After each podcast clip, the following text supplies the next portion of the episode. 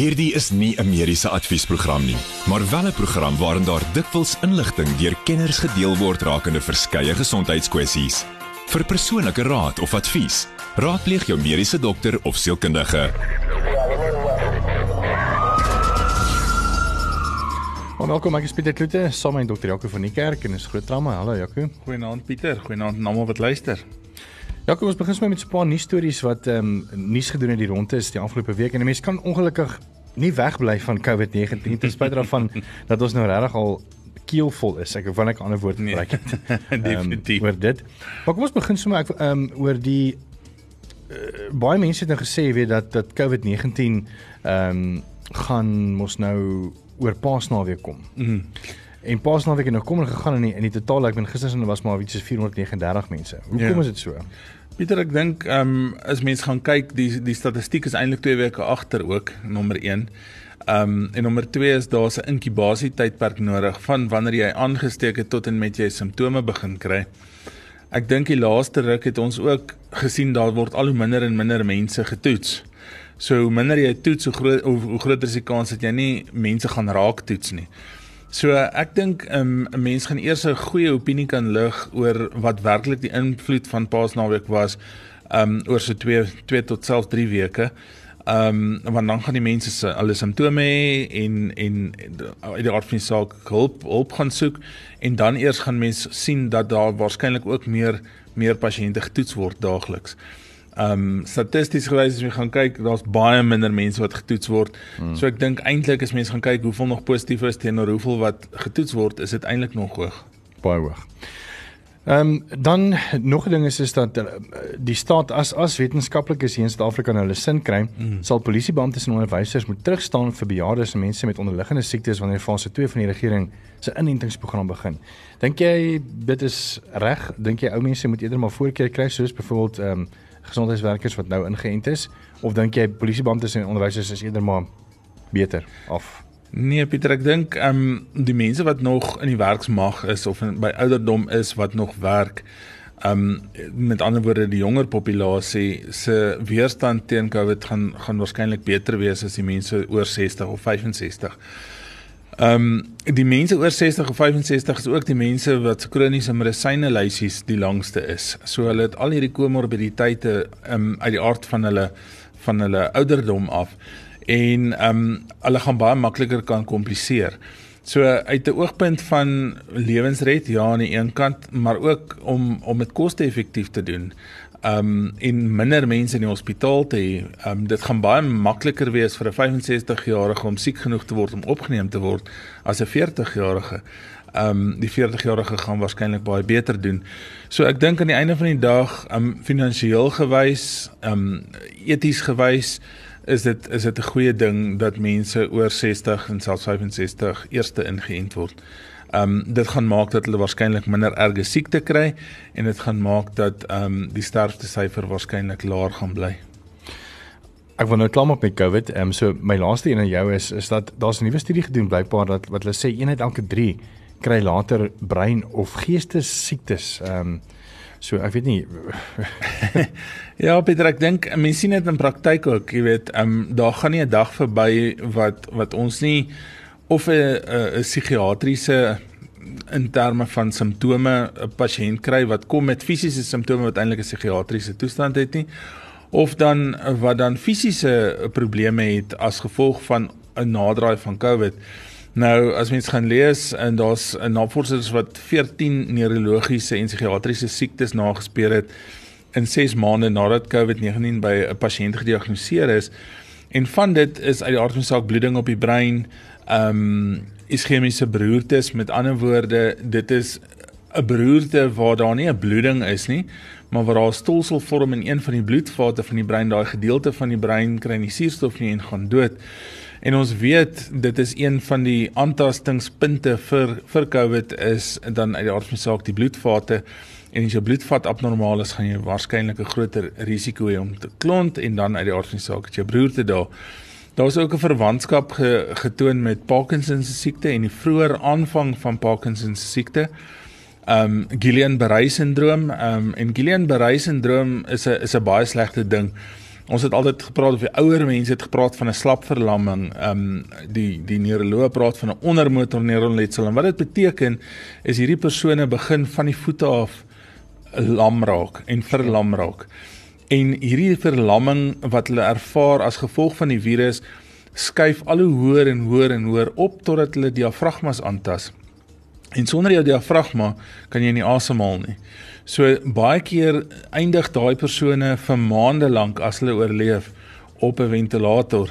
Ehm um, totdat die die virus dan dan ehm um, basies homself uitgebrand het of die siekte homself uitgebrand het of ehm um, daar is medikasie wat wat as mense dit vroeg optel kan kan gebruik word, maar dis 'n baie slegte ding en die, die pad van herstel is maande en selfs jare daarna.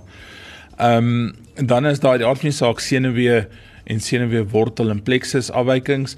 Nou senuweewortel is maar net een van die takke van jou spinaalkoord en die plexus is eintlik maar een van of van die plexusse is een van ehm um, is, soos 'n netwerk van hierdie wortels wat bymekaar kom wat dan geaffekteer kan word en 'n neuritis kry. Neuritis is maar 'n inflammasie van hierdie senuwee.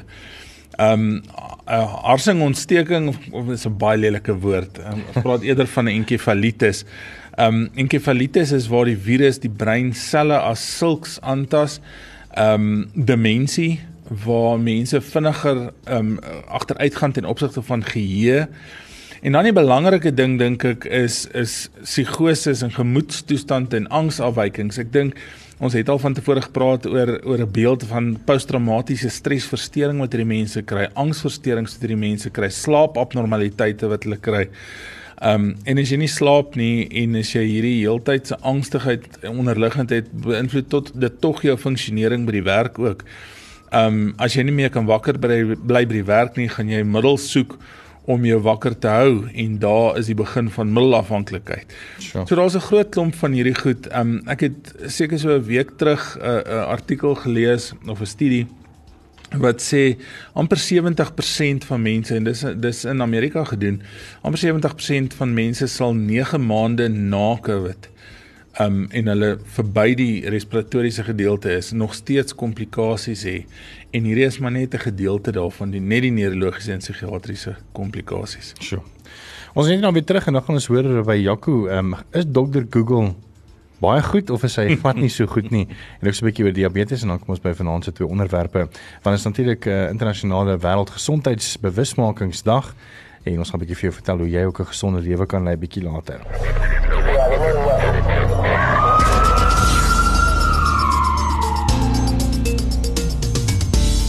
Welkom terug ons eh, deel ons 'n paar nuus stories en uh, daar's nogal heel wat nuus. Uh, ons wil net afgesluit met COVID-19 uh, om bietjie by ander nuus stories uit te kom.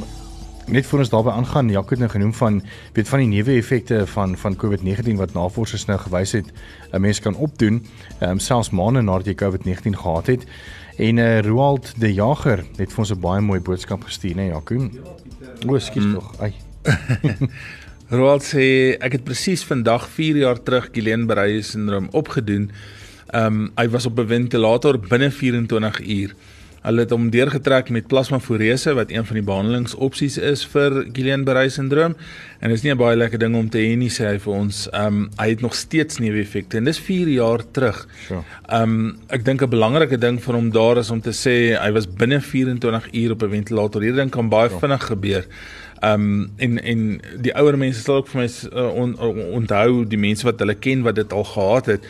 Dit begin met jou voete word lam en needles en pins en niemand verstaan eintlik hoekom dit gebeur nie en môreoggend soos wat hy sê binne 24 uur is jy op 'n ventilator en dan kan jy jouself asemhaal nie. Ek dink is 'n ongelooflike angswekkende ding op sy eie hmm. as jy kan voel jy word van onder af lam en ergens langs die pad begin dit moeilik raak om asem te haal. Sure. Ehm um, dink maar net as jy stadig versmoor, hoe angstig jy gaan wees. Sure. Nee, dis nou een van die dinge wat mense eintlik maar wens met niemand kry nie, weet jy. Definitief. Um, dan bietjie terug, ek dink ons nou oor COVID vir, vir nou. Ehm um, Dr Google weet as jy nou 'n bietjie oulik voel Jaco, ehm um, dan gaan jy mos jy gryp nie jou foon om 'n dokter te bel nie, jy gryp ons jou foon om gou vinnig vir Google ehm um, uh, te vra. En ehm um, Eh, mense vra ons maar gewoonlik vir dokter Google weet as mense nou weet uh, sleg voel en nie meer. Maar 'n nuwe studie Jaco toon dat mense wat hulle self diagnoseer deur hulle simptome oor die internet te navors, staan 'n groter kans om 'n korrekte diagnose te maak as diegene wat net op 'n blote instink of op hulle eie kennis staat maak. Ek meen dis natuurlik logies. dit, dit klink vir my net logies. Nee, definitief. Pieter, ek dink Maar, is tweeledig. Ek dink as mens daai sin mooi gaan gaan opbreek, dan sê hulle hulle 'n groter kans om die korrekte diagnose te maak in teenstelling met mense wat net op hulle eie instink en hulle eie kennis staat maak. Met ander woorde, hulle hulle vergelyk dit nog steeds nie met iemand wat dan medies opgelei is nie. Hmm. Dis die een ding. Die tweede ding is ehm um, as jy 'n simptoom net gaan Google op op op Google, dan gaan jy waarskynlik die meer kontroversiële diagnose eers te kry. Jy weet, um, as jy hoofpyn Google, gaan jy nie noodwendig kry net moegheid nie. Jy gaan eers kyk, dalk het jy breinkanker, dalk is dit 'n breinbloeding, en dan gaan jy nog steeds agter die rekenaar sit en sê dalk is dit moontlik. Ehm um, maar ek dink dit hang ook af wat 'n mens Google. Daar's daar's baie goeie inligting op die internet, daar's baie goeie inligting op Google. Daar's baie goeie baie baie duidelike um uh inligting oor spesifieke siekte toestande. Daar's baie groepe op die internet en uh, wat jy kan wat jy aan kan behoort wat aan sekere siekte um toestande lei. Um veral die meer skaars goeters. So ek dink Google is nie net sleg nie, definitief nie en ek dink dit is 'n baie goeie bron van inligting. Um en ja, dis moontlik om jouself reg te diagnoseer met Google, maar dis baie onwaarskynlik dat jy dalk die moeiliker goeters op jou eie gaan gaan gedoen kry. Um ek dink daar het jy nog steeds die hulp nodig van iemand wat wat die ding dalk in konteks kan sit net. Ja. En die studies het het afgesê om te sê dat weet dit die dokter laat wonder of dokter Google epikonders onder sy pa pasiënte vererger. uh, beteken internetdiagnose dat meer mense onnodig dokter toe gaan. Maar wense en navorsing wys dit is dalk nie so 'n groot probleem nie. Die feit dat mense presies dieselfde sou optree voor en nadat hulle die simptome oor die internet nagevors het, dui dalk daarop dat dokter Google nie die getal pasiënte verhoog wat met epikonders by die spreekkamers opdag. Nee, definitief. Um ek dink wat ons baie keer kry is of wat ek baie keer kry is mense wat iets gaan Google het en dan dink hulle hulle het dit en dan bring hulle dit saam en wat wat aan die een kant het ons altyd gedink dis 'n slegte ding en mense het gedink wat dink jy nou doen jy? Maar aan die ander kant is dit 'n goeie ding dat mense dit doen want dan kan jy met hom daai artikel bespreek en vir hom sê ja ek stem saam met jou of nee ek stem nie saam met jou nie en hoekom ek nie saam met jou stem nie. En as jy 'n persoon met hom redeneer oor sy siekte toestand en hom oortuig in terme van bewys dat dit nie is wat hy gegoogel het nie maar dalk iets anders maar hy het deelgeneem in daai proses, dan aanvaar hulle baie keer hulle diagnose ook baie makliker en dan sal hulle hulle behandeling baie makliker volg. Ek wil net bysê dat weet daai groot woorde epikonders, uh, dis nou nie 'n griepsiekte of miskien 'n laarigpyn of so iets nie. Dit beteken epikonders beteken eintlik net siekte van die verbeelding wat gewoonlik nie 'n slagtige gevolg het. Ja, ons het ons het baie keer noem ons dit ook psigosomatiese simptome. Met ander woorde, jy kan nie vir iemand sê hy het nie hoofpyn nie. Ehm um, maar stres kan ook hoofpyn maak. So dis hierdie goed wat jy jy dink aan, maar ehm um, jy kan selfs fisiese simptome hê daarvan. Dis dit, maar jy het nie die siekte nie. Nou ja, daai het jy. En dan uh, in die nuusstories ehm um, die laaste storie wat ons van by by stilstaan vanaand is dat daar 'n vermeende swendelaar wat nou wil borgtog vrygelaat word omdat hy suiker siekte het. En ehm um, nou sê die artikel dat diabetes is eintlik geen vrypas nie. Nee, definitief nie. Alhoewel diabetes dink ek 'n baie slegte siekte is, mm. dink ek ehm um, die korrektiewe dienste doen tog 'n groot werk deur die pasiënte na hospitale toe te neem wat wel diabetes het.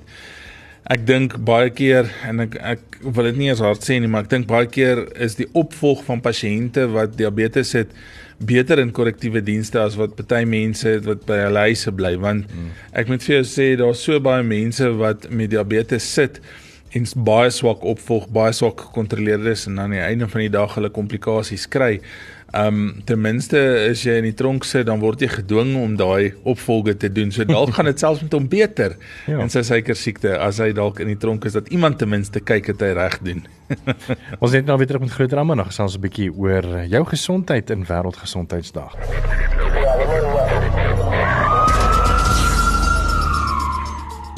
Ons gaan uh, so 'n bietjie gesels oor ehm um, wat is kiddies in Afrikaans uh, niere, nê? Nee. Ja, niere. 'n Nierkondisie. Ja, Pieter, ehm um, as 'n mens gaan kyk en, en ons praat seker nou weer oor COVID ook, maar dis nie net daardie deel nie. Ehm um, omtrent 10% van die wêreldbevolking ly aan een of ander vorm van niersiekte. Dit sê akute nierversaking waar jy dalk net gedihidreer kan word tot kroniese nierversaking. Nou een van die goed wat dit belangrik maak um in ons land en en in die dag soos vandag is juis dat mense is eintlik geneig om in 'n tyd van COVID en 'n tyd van hulle is bang om hospitaal toe te gaan hmm. nie hulle kroniese opvolge en hulle gereelde opvolge by hulle dokters te doen met niersiekte nie. Ehm um, so jy kry mense wat laaggraadse niersiekte het, laaggraadse kroniese nierfunksie inkorting en hulle volg nie genoegsaam by hulle dokters op nie en dan eindig hulle in die hospitaal met erge nierversaking wat dan dialyse aan die einde van die dag tot gevolg het. Nou jou niere uit die aard van die saak weet almal het, het eintlik net twee funksies. Dis om die vog in jou liggaam te reguleer en om van die afvalstowwe ontslae te raak maar deur van die vog ons uh, of die vog te reguleer en die afvalstowwe ontslae te raak beïnvloed dit ook 'n mens se elektrolyte. So eintlik het die niere 'n ongelooflike belangrike funksie in terme van spierwerking, in terme van jou hartwerking. Um meeste van die bloeddrukpille wat op die mark beskikbaar is, werk op 'n manier deur die nier. So as jou niere nie optimaal werk nie, is dit eintlik 'n multisisteem aantasting En wat ons nou sien met COVID is dat COVID as sulks ook die niere kan aantas. Ons almal dink net aan longsiekte en ons het nou nog gepraat oor die brein en en psigologiese siekte. Maar dit kan ook skade doen aan die filtrasiesisteem van die nier wat dan vir 'n mens 'n um, nierfunksie inkorting kan gee en dan selfs um, erge nierversaking tot tot gevolg kan hê. Die probleem daarmee is as mense dit nie vinnig optel en behandel optimaal nie, is dat mense op dialyse eindig en dis hartseer dat in ons land wat eintlik maar 'n ontwikkelende land is, daar 'n groot tekort is aan dialyse fasiliteite vir mense, veral mense wat nie op mediese fondse is nie. Um ons kan later 'n bietjie praat oor die oor die wêreldgesondheidsdag, maar daar's statistieke wat nou deurgekom het wat sê net 16.5%, 16.4, skus, persent van mense in Suid-Afrika het mediese fondse. So ehm um, ek weet toe ek nog geswat het, ehm um, was daar uitsluitingskriteria vir mense ten opsigte van dialyse. As jy nie 'n uh, kandidaat was vir 'n nieroorplanting nie, het jy nie gekwalifiseer vir dialyse nie. Ehm um, en dit is 'n ongelooflike groot probleem en mense kan doodgaan as gevolg van die feit dat hulle uh, op 'n uitsluitingskriteria nie kwalifiseer vir dialyse nie en hulle kon dalk hulle nierfunksie beter beskerm met deur meer gereeld by hulle dokters op te volg. Ja, Jaco, um, jy het ook laas uh, van lig af uh, onthou ek iets baie interessants genoem toe ons ook so praat oor niere oor nieroorplantings. Ehm um, dat weet ek gevra nou waar sit hulle? Ek meen as as as hy nie gaan waar hy moet gaan hier bo ja. vir jou lewer nie. nie. Ja. Kyk uh, almal wat wat wat van nierinfeksies praat, dan praat hulle altyd van laarigpyn. En dit is eintlik glad nie waar jou nier regtig sit nie. Die oorspronklike nier, as jy die anatomie handboeke gaan lees, um, sit so tussen die 9de en die 11de rib aan die agterkant. So dit sit eintlik relatief hoog. Um, deel van hom word beskerm deur jou ribbekas nog en hy sit agter die agter die lewer aan die een kant en agter die milt aan die ander kant. Ehm um, maar as jy die nier oorplant of as jy 'n nieroorplanting kry, dan sit hulle meestal in die lies. Nou meeste mense wonder hoekom en en een van die redes is maar ehm um, omdat dit die naaste pad blaas toe is, nê. Nee. Mm. So ehm um, om die ureters wat dan van die nier af blaas toe gaan is korter. Dit gaan oor die bloedvoorsiening want daai nier wat oorgeplant het moet goeie bloedvoorsiening hê om 'n um, goeie bloedvoorsiening na die nier toe te kan aanlê kan ek amper sê is om pype aan te lê maar om die nier se bloedvoorsiening te verbeter. So as mense um, in uh, jy weet 'n ongeluk is, is dit belangrik dat ons as mediese personeel weet jy het 'n nieroorplanting ja of nee en waar om hierdie nier te gaan soek is gewoonlik in die lies. Sure. Um, mense kry hom so in die in die onderste deel van die buik na die liese kant toe. Jy het genoem hoe belangrik die die rol van van die niere is in 'n in 'n multi ehm um, liggaam uh ja, ding van, van uh, of multi-orgaan ehm um, die funksie ja. funksie. Uh, hoe is dit dat mense byvoorbeeld 'n uh, 'n nier kan skenk? Ehm um, kan die liggaam oorleef gemaklik met net een nier? Ja, Pieter, die liewe Vader het ons baie goed gemaak. Ek dink daar's twee organe wat baie vergewensgesind is. Een is die lewer, jy het net omtrent 'n derde nodig. Ja. En een is die nier. Ehm um, ons maak ons niere en ons lewers baie baie seer gereeld ehm um, deur verskillende goed wat ons doen. En hierdie hierdie organe regenereer en hulle hulle herstel hulle self net oor tyd. Ehm um, die dit is so dat as jy dat jy 'n nier geskenk het en jy het net een nier oor en jy gee daai nier net kans, dan neem hy totaal die funksie van die ander nier oor. Hy sal ja. effens vergroot, maar as jy nie weet iemand het 'n nieroorplanting of 'n nier geskenk nie en hy het net een nier, dan gaan jy dit nie op 'n bloedondersoek kan agterkom baie keer um, as dit 'n paar maande na die tyd is nie. Hy gaan normale nierfunksie volgens sy bloedresultate. Ja. Ehm um, En baie mense word gebore met net een nier hmm. of abnormale niere in terme van daar's goed soos pereskoeniere, dit lyk letterlik soos 'n hoefyster. Ehm um, maar baie mense word gebore met net een nier en ehm um, jy kom dit nie agter tensy jy per ongeluk 'n sonar doen of 'n scan doen en dit sien nie, want hulle het eintlik geen simptome nie. Net hierna gaan ons 'n bietjie gesels oor jou gesondheid, want is wêreld gesondheidsbewusmakingsmaand. So bly gerus ingeskakel daarvoor net hierna.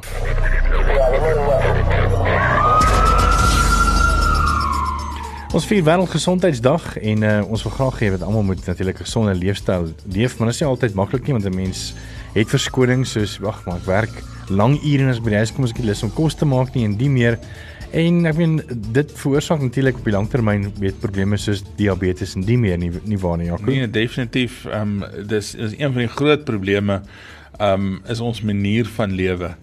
Ehm um, ek dink dis een van die groot goed wat meeste van ons kroniese siektes aanblaas en ons ons het nie meer tyd om na onsself te kyk en na ons gesondheid om te sien nie en dis eintlik die enigste ding wat wat daar is wat ons na moet kyk wat ons gratis gekry het en wat ons hele lewe beïnvloed. Sonder gesondheid het ons eintlik niks. Hmm. Maar mense liggaam is tog op 'n manier baie ehm um, sterk. Ek meen mense sal nie sommer maklik doodgaan nie. ja, Pieter, ons nou van lig af ook gesê ek sê altyd 'n mens gaan nie sommer net so maklik dood nie. Dinge moet hom slegs hier draai voordat voordat dit gebeur. Maar ehm um, ja, ek dink tog 'n mens moet mooi na jouself kyk. Ehm um, dit is wêreldgesondheidsdag vandag en ek sien die wêreldgesondheidsorganisasie het 'n tema aan hierdie dag gesit. Ehm um, wat hulle dan sê building a healthier and fairer world. Ehm um, en ek dink om te begin bou in 'n gesonder wêreld is om mense meer in te lig, beter in te lig um oor gesondheid en oor siekte toestande wat wat risiko's is vir iets soos hartsiekte en en breinbloedvat siekte.